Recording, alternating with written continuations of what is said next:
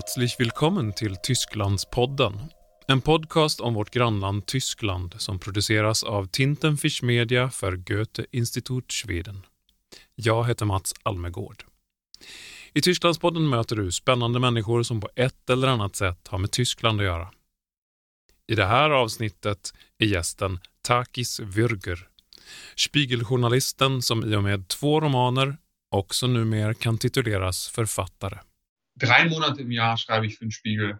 Äh, neun Monate im Jahr bin ich Schriftsteller. Takis Würgers andra roman, Stella, kom ut i januari 2019 i Tyskland och utlöste en häftig debatt. Fick man skriva så här om historiska personer? När det dessutom handlade om personer som under nazistregimen i Tyskland kollaborerade med Gestapo och pekade ut hundratals judar i Berlin, vilket i de flesta fall ledde till att de skickades till koncentrationsläger och avrättades. Många kritiker ansåg att boken var kitschig, att den förvanskade historien och gjorde tragiska historiska händelser till en fond för en romantisk äventyrsberättelse. Men andra tyckte om den och försvarade sättet Takis Würger skriver på.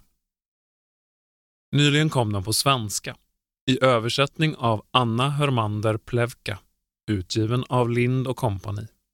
Det återstår att se om det blir debatt även i Sverige.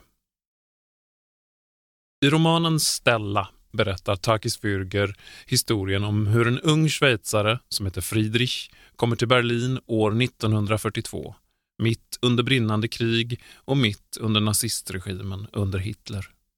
Friedrich möter snart en fascinerande kvinna som dansar på svartklubbar, lyssnar på jazz och tar droger. Han förälskar sig snart i denna kvinna. Hon heter Stella Goldschlag och det är här debatten i Tyskland tar sin början. Stella Goldschlag bygger nämligen på den verkliga personen med samma namn. Hon var judinna i Berlin och samarbetade med Gestapo. Detta för att ursprungligen rädda sina föräldrar och sig själv från att bli transporterad till Auschwitz. Hon angav istället hundratals andra för att rädda sig och sina föräldrar. Hur kom det sig att Takis Würger ville skriva om henne? Äh, ich habe jetzt vor na, fünf Jahren war ich äh, zu Besuch in Berlin. Damals habe ich noch in Hamburg gelebt und, ähm, und habe ein Musical gesehen. Und das war das Musical Cabaret. Ich weiß nicht, ob du das kennst. Und äh, ein Freund von mir hat, hat da getanzt in dem Stück. Und, ähm, und wir saßen danach zusammen und haben darüber gesprochen, wie das, wie, wie klug das gemacht ist, dass in diesem Stück ähm, man denkt, es ist eine Geschichte, die von einem jungen Mann handelt, der nach Berlin kommt, um seinen Traum wahrzumachen und sich dann verliebt in eine fantastische Frau. Und man merkt auf einmal erst, wenn man diese Geschichte verstanden hat, das spielt 1938 in der Zeit des Nazi-Regimes und geht um Leben und Tod.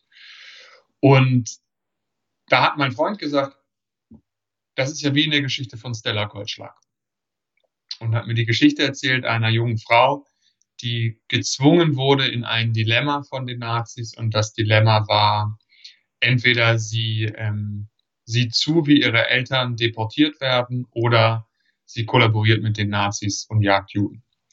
Und dieses Dilemma hat mich so fasziniert, dass ich und erschüttert vor allen Dingen, dass ich gedacht habe, ähm, es ist ein guter Anfangspunkt, um die Recherchen an so einem Roman zu beginnen. Han berättar att han såg musikalen Cabaret under ett besök i Berlin. En av Tagis Würgers vänner dansade i föreställningen och när de båda gick ut och tog en öl efteråt sa vännen att delar av Cabaret påminde om Stella Goldschlags liv. Takis Würger visste då inte vem det var, men blev både skakad och fascinerad när han hörde om hennes otroligt svåra dilemma. Han började göra research och fastnade snabbt för Peter Widens biografi av Stella Goldschlag. Den heter för övrigt också Stella. Ein Mitschüler von ihr, Peter Wyden heißt es, ist ein ganz beeindruckendes Buch, ein ganz persönliches Buch und das ähm, war, obwohl ich ein ähm, einen Roman geschrieben habe und auch äh, äh, natürlich nicht in Anspruch nehme, dass ich ähm, im Ansatz das abbilde, was wirklich passiert ist. Das tue ich nicht. Ich habe eine fiktive Liebesgeschichte erzählt. Und trotzdem war das eine tolle Quelle, weil äh, es mir eine Möglichkeit gegeben hat, mich dieser fiktiven Romanfigur, die ich entwickelt habe, irgendwie anzunähern. Das ist etwas, was man ja, also man muss ja, die Figuren müssen irgendwo herkommen. Und ganz viele Autoren suchen in ihrem eigenen Leben, deswegen gibt es so viele Bücher über Schriftsteller. Und, ähm, und ich glaube, ganz viele Autorinnen und Autoren nehmen Figuren aus ihrem eigenen Leben und stecken die in eine andere Zeit, in eine andere Situation. Und, ähm, und dann wächst so eine Figur Stück für Stück. Und, und diese Zeit des Lesens, ich habe natürlich viel mehr gelesen, als da hinten steht, aber das waren so wichtige Bücher. Und die Zeit der Recherche, die ziemlich lange war, die hat mir geholfen, so Stück für Stück diese Figur zu entwickeln und mir dann ermöglicht, ähm, dieses Buch zu schreiben. Takis Würger ville dock skriva en fiktiv kärlekshistoria, berättar han. Och även om Stella är bokens namn är personen Stella inte dess huvudperson.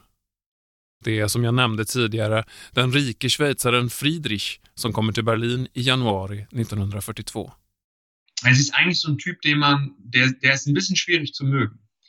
Weil er ist eigentlich ein Snob ähm, und er tut uns Leserinnen und Lesern nicht den Gefallen, die Fragen zu stellen, die, die ein Held fragen würde.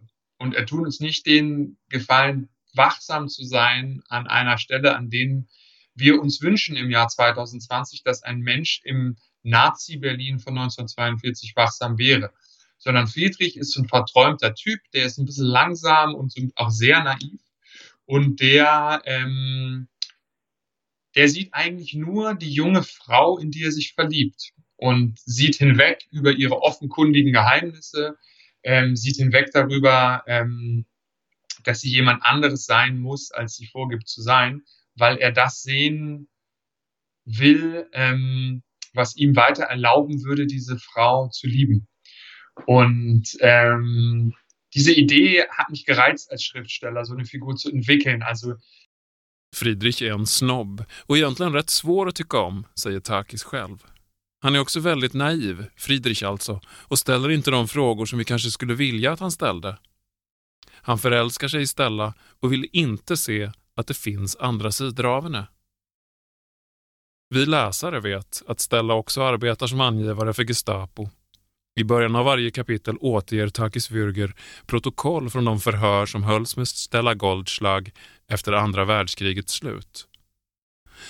Man kan som läsare fråga sig om romanens Friedrich inte kan, eller möjligen inte vill, inse att det finns andra sidor av hans älskade Stella.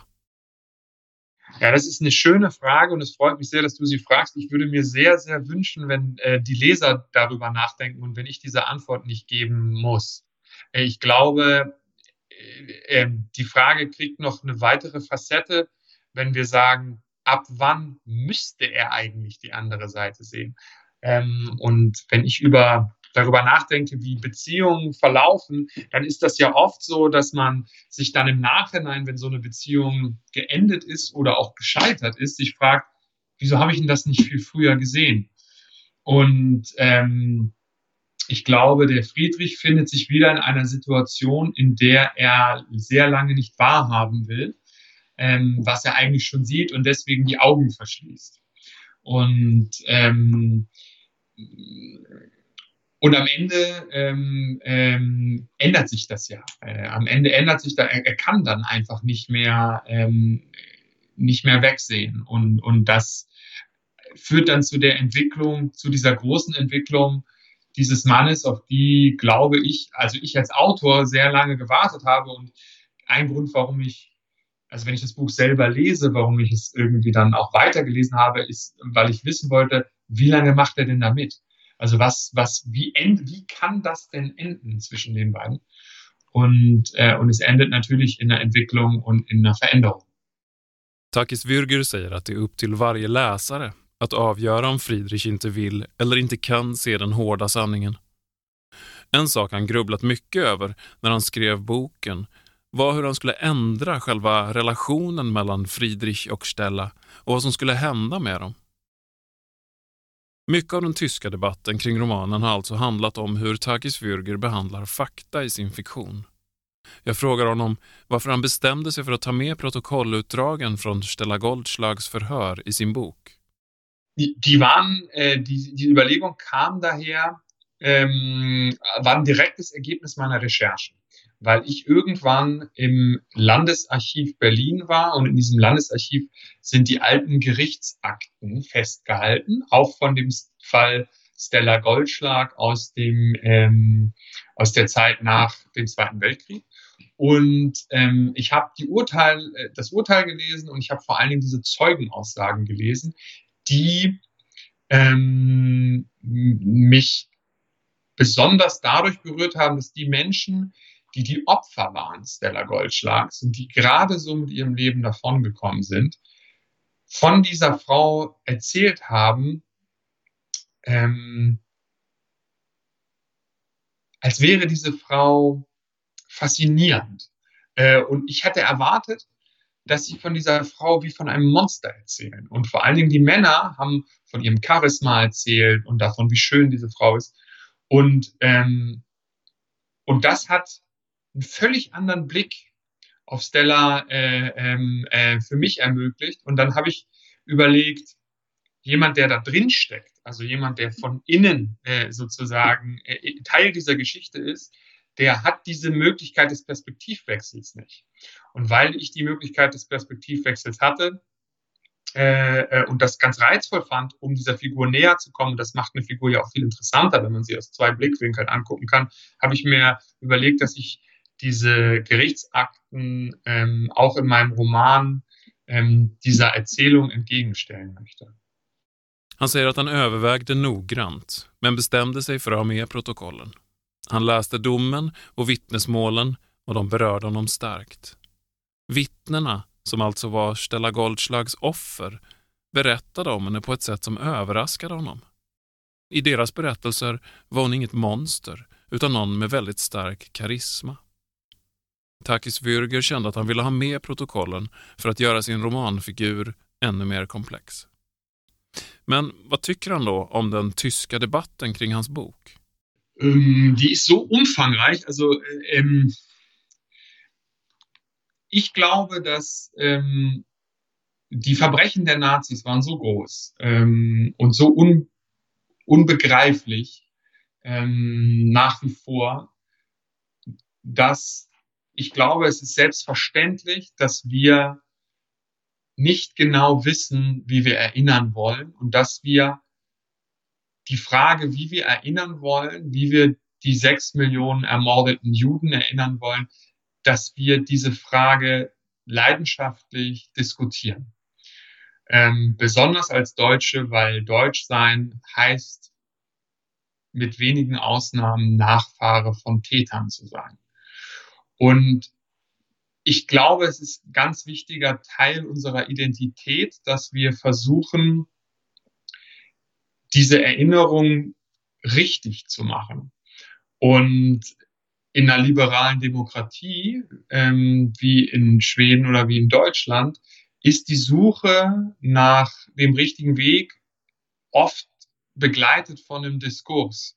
Ähm, und ich glaube, das führt zu, führt zu besseren Ergebnissen.